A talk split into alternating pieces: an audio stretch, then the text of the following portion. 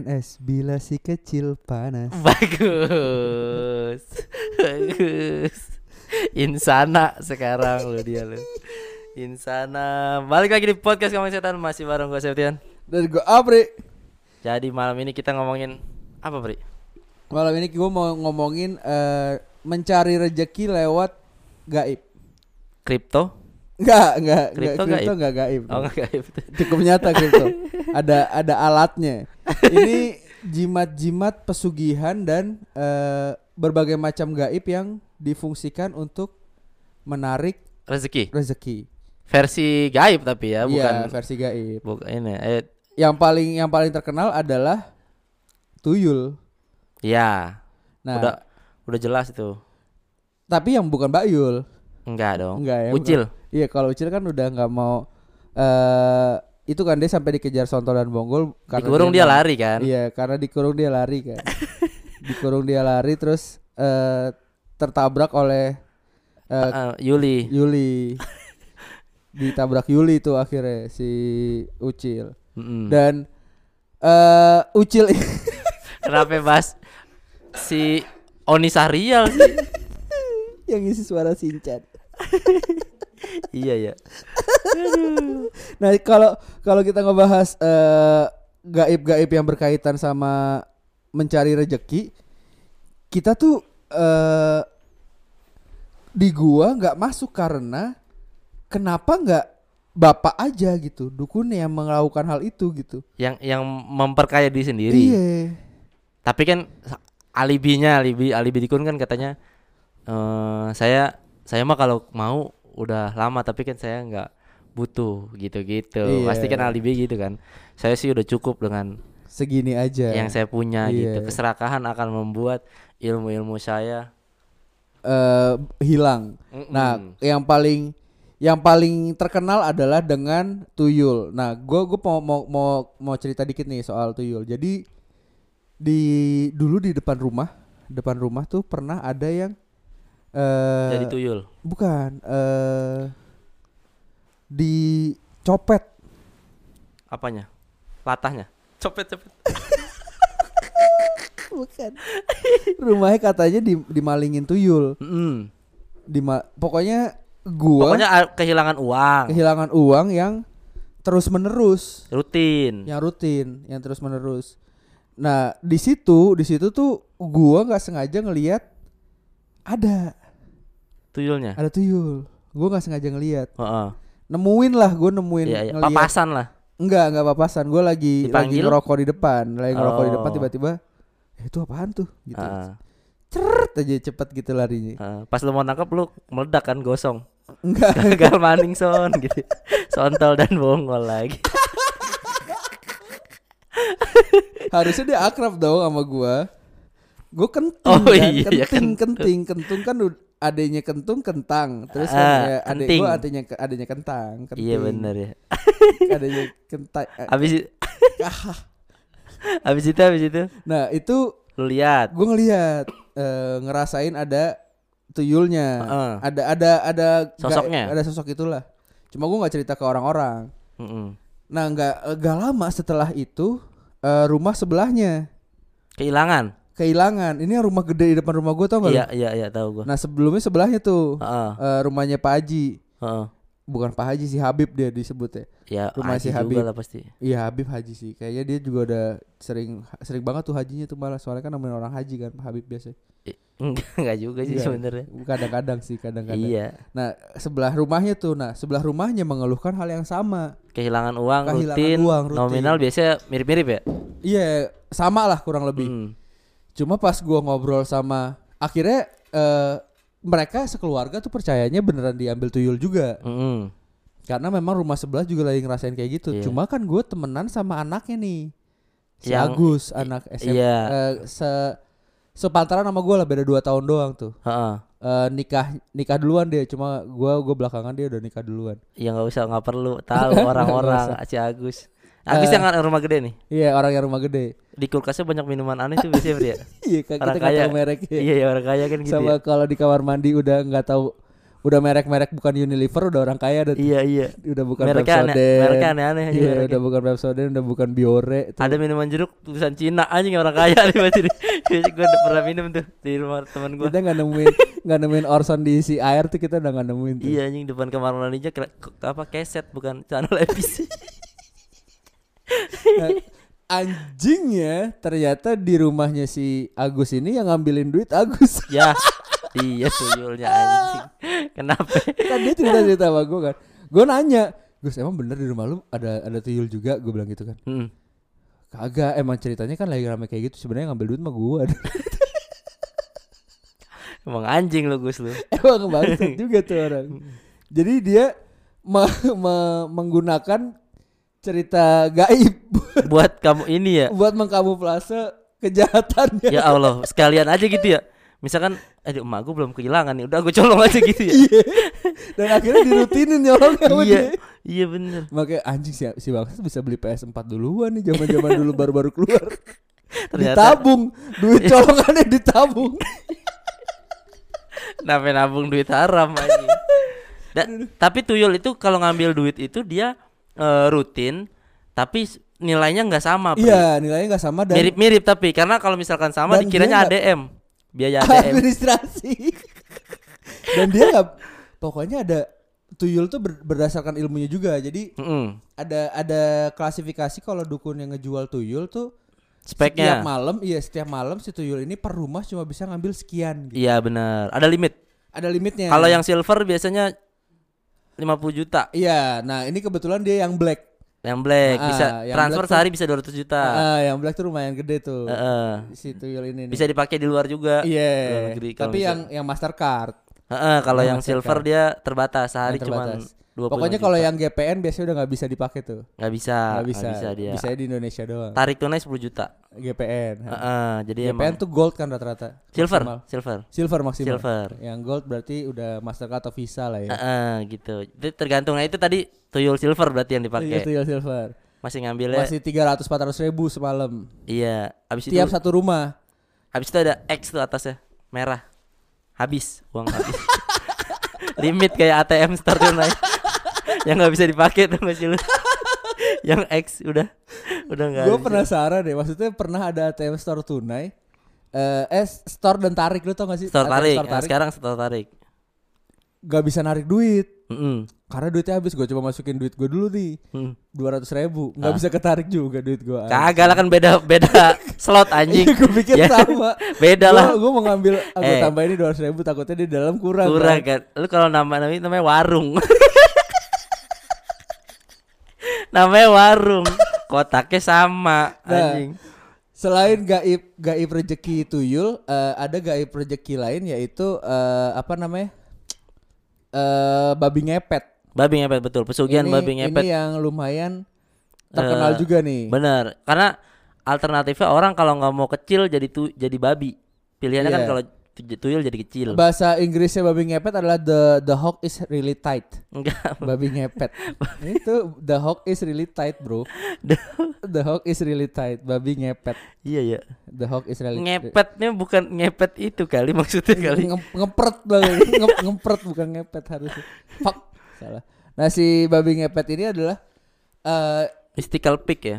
mystical mystical pig dia dia ini udah jadi fenomena yang terkenal gitu di Indonesia Iya. Ba- Karena- dan banyak yang nangkep, banyak yang banyak yang berhasil nangkep Ad- yang gue gue sendiri nggak tahu ya maksudnya eh, kisah orang yang berhasil nangkep babi ngepet ini beneran apa enggak maksud gue gue nggak tahu eh ya ke- akhirnya kan ceri- kebenarannya gitu iya ya. cerita rakyat cerita rakyat doang kan kebanyakan Tapi kan. kebanyakan video-video yang beredar di YouTube itu babi beneran.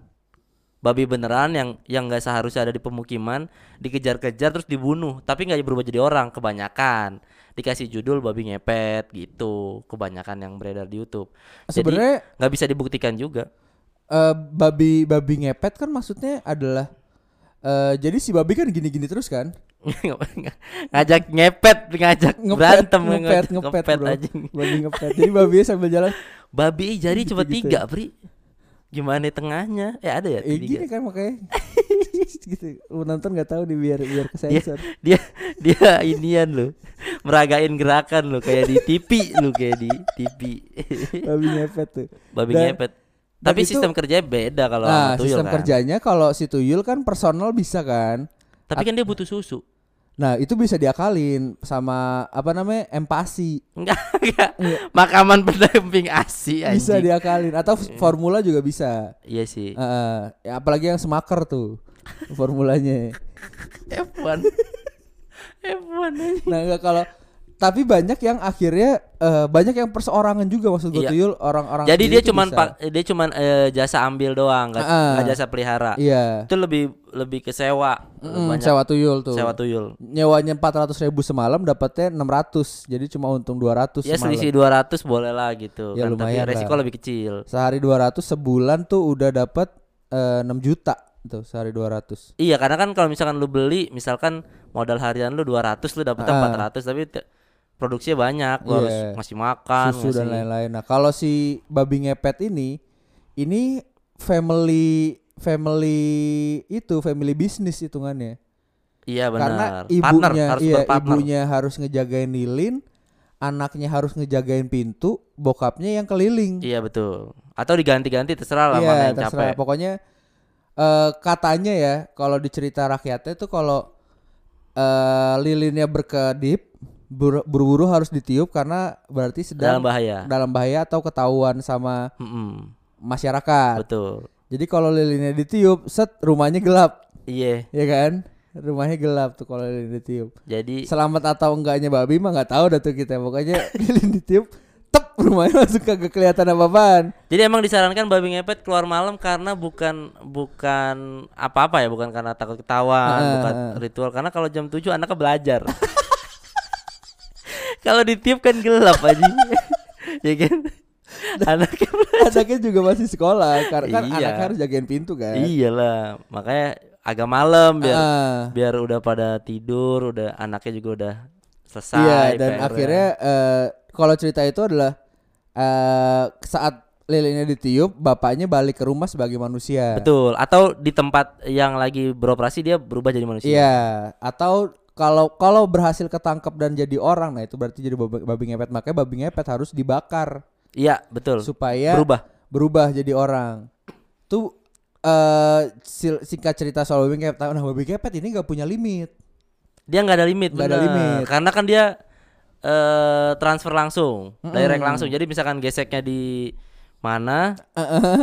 langsung tunainya masuk ke pusat. iya, ternyata langsung masuk ke pusat dan Bener, cashnya si- masuk ke pusat. Cuma resikonya juga cukup tinggi karena makanya disuruhnya malam keluarnya malam dan eh, di saat orang tidur karena dia berisik aktif Betul. aktifnya tuh berisik Aktifnya berisik, Ngak- terus gitu-gitu. Heeh, da- dan gerak-geriknya cenderung membahayakan atau mencurigakan gitu. Karena Iya, gede kan bentuknya kan Bentuknya bentuknya gede.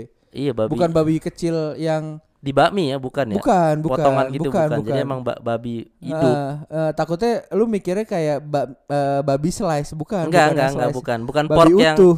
Eh, eh, bacon gitu bukan bukan bi- bukan bukan, yang segitu. Eh, bukan. jadi emang babi beneran bukan utuh temen gitu. lu yang bangsat yang lu katain babi bukan. Ah babi gitu bukan, bukan bukan bukan yang kayak gitu juga. Jadi emang beneran babi Beneran gede. babi.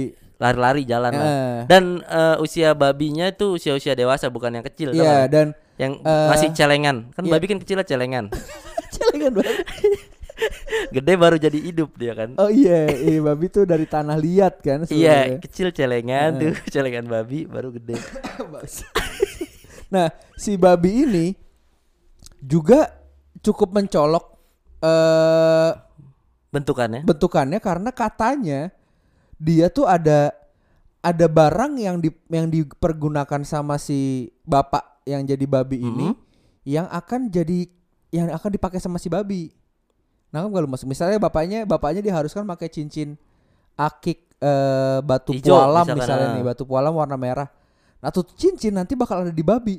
oh ada tandanya Iya, nah itu Heeh. buat nandain eh, buat ngelihat kalau babi ini emang babi jadi-jadian. Nah, iya benar benar benar Itu ada bentukannya kayak gitu. ada tandanya lah ya. Mencolok Iya, lah misalnya kalau bapaknya make eh, apa namanya make kal eh make gelang kaki yang kencing kencing kencing kencing. Nah, itu bakal dipakai sama Anjing babinya. kayak simpenan bule. ya, ya, ya, aduh, kayak- aduh, ya, kan, ya, ya, Bangsat, bangsat. yang apa namanya loncengnya hati. iya, iya, kan? ya Allah, Robi. Enggak, tapi tapi menjadi babi ngepet penuh menurut gua sangat banyak resikonya karena dan akhirnya sekarang banyak ditinggalkan gitu. Soalnya Ah. selain Indonesia kan kalau misalkan babi itu nggak umum di beberapa tempat. Yes, betul. Kayak misalkan di pemukiman di Pulau Jawa deh, misalkan di di kota-kota besar itu nggak umum ada babi berkeliaran. Tidak aman untuk lu berkeliaran di kota-kota besar di mana duitnya banyak gitu. Misalkan orang-orangnya udah udah pada berduit, lu keliling di kota nggak aman karena nggak nggak wajar babi lewat-lewat di di daerah pemukiman warga.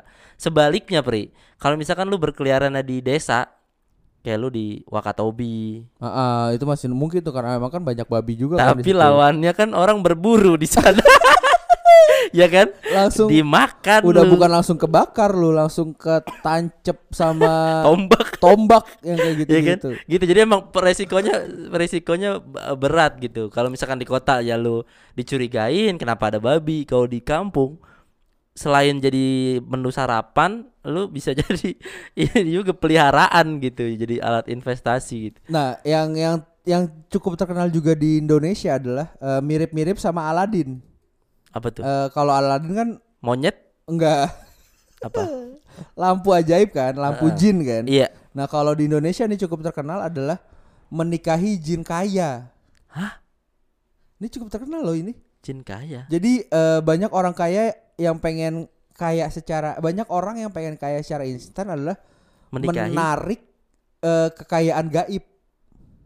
iya tapi jin kaya tuh gimana Iya, jadi dia menikahi jin jin kaya.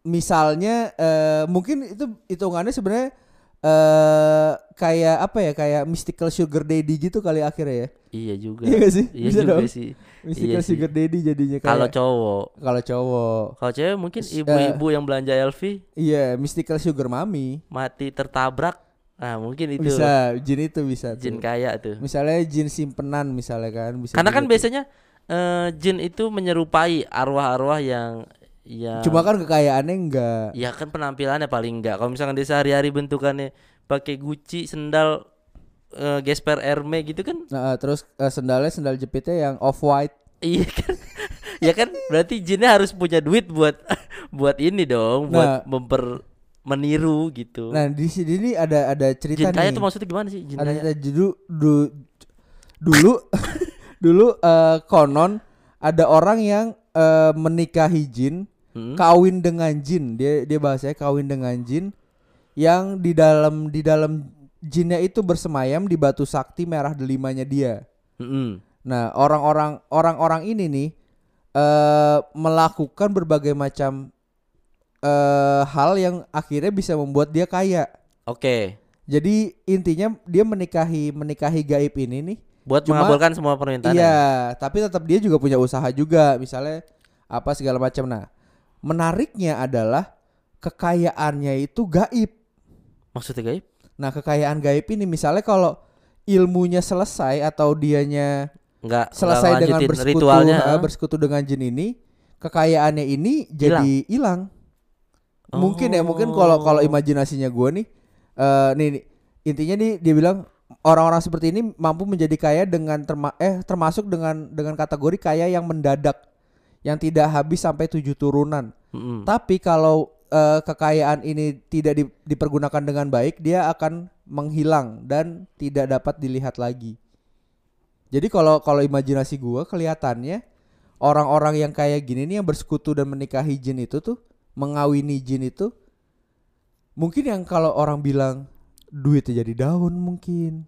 iya benar Gak tahu ini ini imajinasinya rumahnya jadi ya. rumah hantu Iya, rumah mungkin jadi rumah jelek gitu Iya, mungkin jadi rumah jelek apa segala macam. Mungkin kayak gitu sih. ilusi jadi yang dikasih ya Iya, tapi orang lain ngelihatnya bagus juga karena Hmm. ilmunya masih masih dipakai. iya iya, benar Jadi benar, mendadak mendadak miskin lagi, jin kaya ya menikahi Lucu jin juga. kaya. Ini ini lumayan ngetop juga nih. kita selama penelusuran belum pernah sih ketemu jin kaya Pri ya Iya, soalnya kalau mungkin kalau jin kaya kelihatannya eh kita nge-vape kali ya. iya sih Jin ada gitu. jin ada kita sih penelusuran Jumat, eh mau Jumat udah pada di villa ya.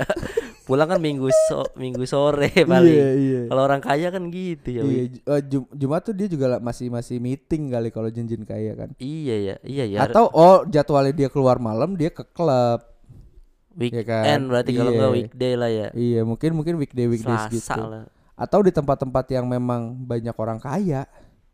Baru ada jin kaya. Heeh, misalnya kita ekspedisi di Mall Arta Gading misalnya.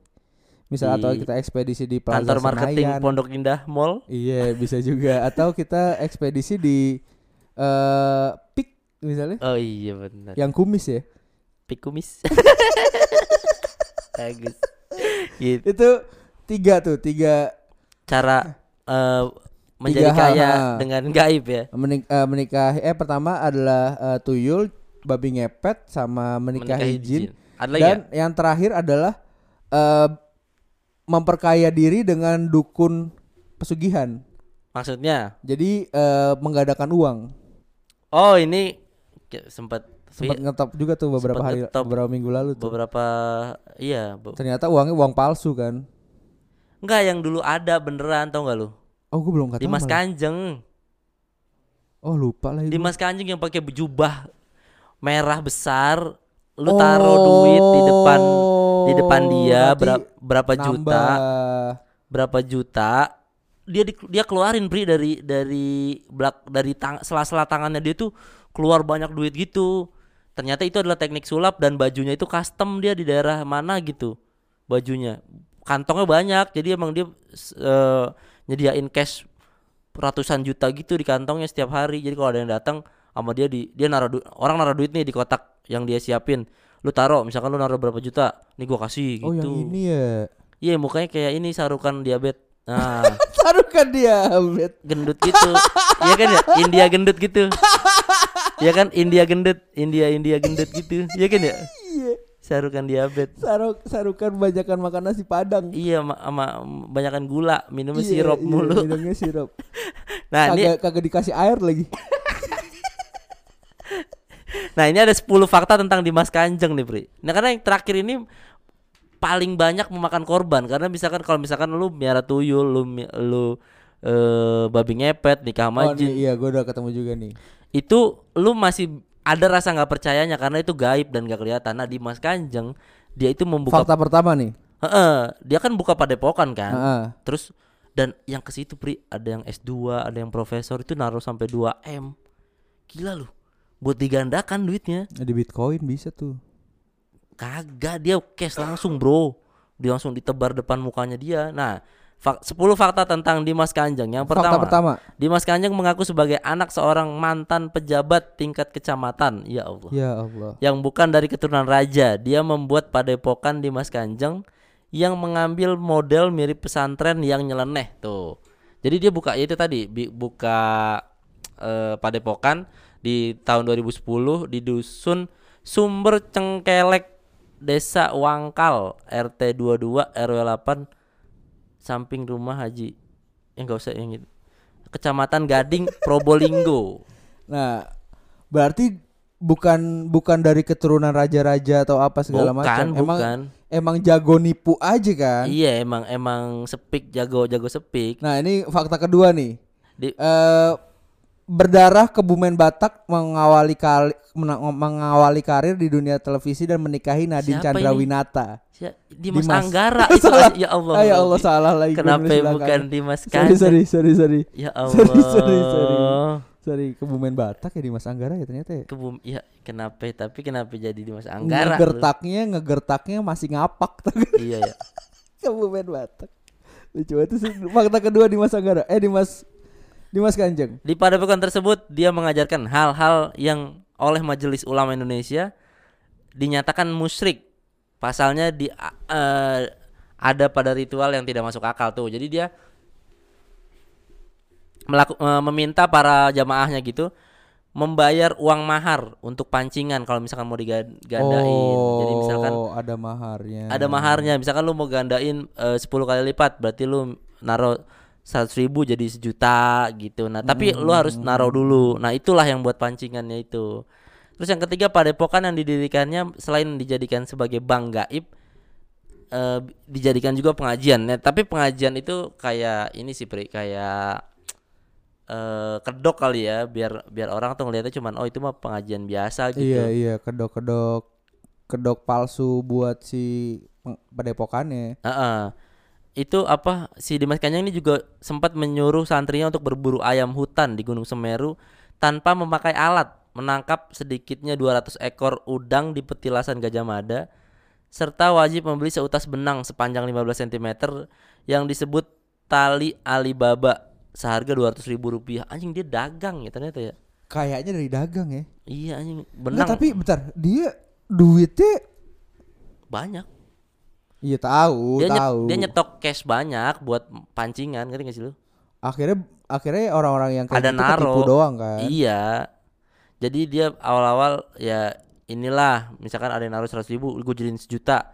Oh iya bener Akhirnya ngajak ngajak ngajak ngajak gitu mungkin Tapi investasinya lumayan gede juga tuh berarti tuh dia. Awalnya awal gede dia bakar duit dia promo Mending dia Ah. buka s- ini ya aplikasi ya Iya, bikin apps tuh. Apa kek Cepet tuh dia tuh.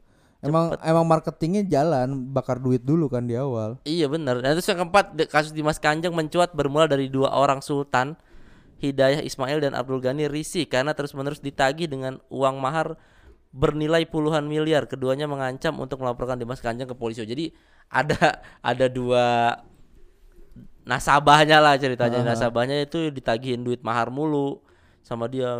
Ayo dong katanya lu mau gandain gak nih mau gandain gitu.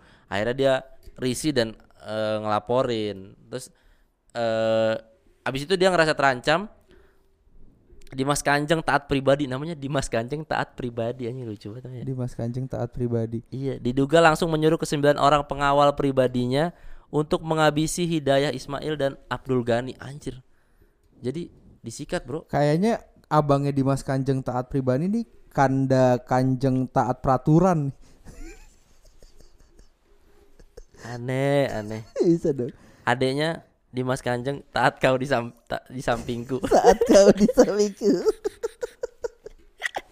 terus terus Dimas Kanjeng ini melalui kaki tangannya pada Februari 2016 kemudian membujuk korban datang ke Padepokan untuk menerima bantuan sebesar 20 miliar tapi keduanya menolak. Jadi ditawarin 20 miliar gue sih mau sih anjing. gue sih mau. Jadi buat tutup mulut, Bre. Mau sih gue kalau 20 miliar. 20 M 2, Bro. 10 10. Ih, Lumayan, Bro. Anjing ya, goblok ya Se- si 10 M eh se M nya gue eh mah nggak dapet sih ternyata. Gue udah mikir-mikir mau beli rumah gitu. Kayaknya rumah sekarang ada yang 8 M. udah gitu abis itu dibunuh si dua orang itu. Sama Dimas Kanjeng. Iya. Kan suruh dihabisi tadi. Mayat korban dimasukkan ke dalam mobil, dikubur secara terburu-buru di kawasan hutan Tegal Siwalan, situ Bondo dengan kedalaman liang lahat kurang dari setengah meter. Banyak banget ya. eh, Kayak nanam ini siri gading. Siri Gading ini lagunya. Terus terus Lagu terus terus. abis itu ada korban kedua Abdul Ghani dibunuh dengan cara yang keji. Jadi setelah ditawarin apa eh 20 m Hah? nggak mau tadi si Abdul Ghani tadi sama Ismail dibunuh habis itu dia di, disikat karena kan biar takut takut ini kan takut Takut bacot. Heeh. terus petugas kenapa ada alarm?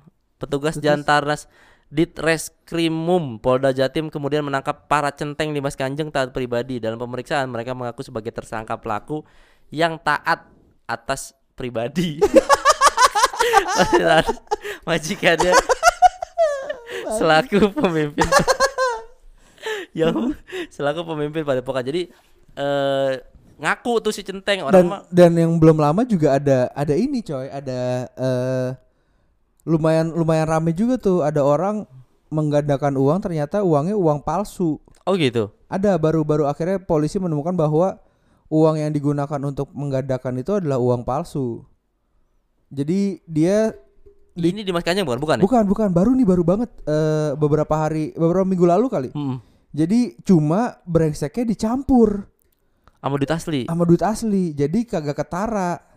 repot-repotin ini ya polisi Iya, pas makanya barang bukti pas pas awalnya orang ya se- sekelebat gitu kalau megang duit asli emang Iya, iya, iya, mungkin iya. atas bawah itu duit asli sisanya duit duit palsu dan itu itu dicampur eh diputar duitnya sama dia Mm-mm. jadi dia dia dia lewat orang lain tuh eh, melakukan pencucian uang Oh, dialihin ke usaha-usaha. heeh, dialihin ke usaha-usaha lain dan di situ ketahuan akhirnya proses penggandaan uangnya ternyata banyak yang uang palsu jadi sebenarnya misalnya eh lu naruh duit 2 juta nih eh, Sebenarnya baliknya sejuta. baliknya cuma sejuta cuma Sisanya sisanya, tuh eh, 6 jutanya tuh duit palsu iya gitu. benar benar benar. benar. pinter juga sih kayak gitu kepikiran sih tuh gue bisnis gitu tuh Jadi dicampur kan Heeh. Kayak air kan waktu itu nyampur ya kalau nggak salah. Enggak, enggak, enggak, Enggak pakai diginiin di, ditumpuk-tumpuk Diaduk di ya? di kocok kocok kocok kocok kocok kocok kocok. Cuma ketahuan sama polisi ternyata pas dicampur duit al- palsunya ada yang gocapan. Ya, Jadi kenapa cepet. beda anjing. Nah, ini fak- fakta terakhir tentang Dimas Kanjeng. Setelah Eh. pemeriksaan nih, Pri, udah ketangkap kan? Udah ketangkap semua. Dimas Kanjeng juga udah eh, ditutup padepokannya segala macam. Akhirnya polisi meminta bantuan Bank Indonesia buat ngecek duit duit yang tersedia di padepokan di berangkas. Tahu kalau nilainya berapa? Berapa? Satu triliun anjing. Cash di padepokan, Cash keras satu triliun. cash keras Satu satu triliun tuh seribu m. seribu m. Lu bayangin satu triliun gila gimana gimana dia nggak bisa bohongin orang gitu ya nggak apa-apa gue lepas satu juta jadi 10 juta lu naruh gue 10 kali gitu kayak anjing satu Iya triliun sih satu. Itu Uh. pas pas di eh pas ditangkap dan dicek itu Itu CEO-nya Tokped jiper juga tuh ngeliat gitu. anjing orang kalau orang tuh ya, misalkan nipu nih nipu nipu nipu nipu nipu udah udah nyampe angka 500 m tuh harusnya dia buru-buru cabut gitu. puterin dananya ke invest beneran iya gitu harusnya atau kalau gua udah udah megang satu tag gua nggak tinggal di situ Bondo sih pasti. Probolinggo Iya nggak tinggal di Probolinggo sih gue pasti udah langsung pindah kota gue pindah bukan pindah kota pindah negara malah gue Michigan.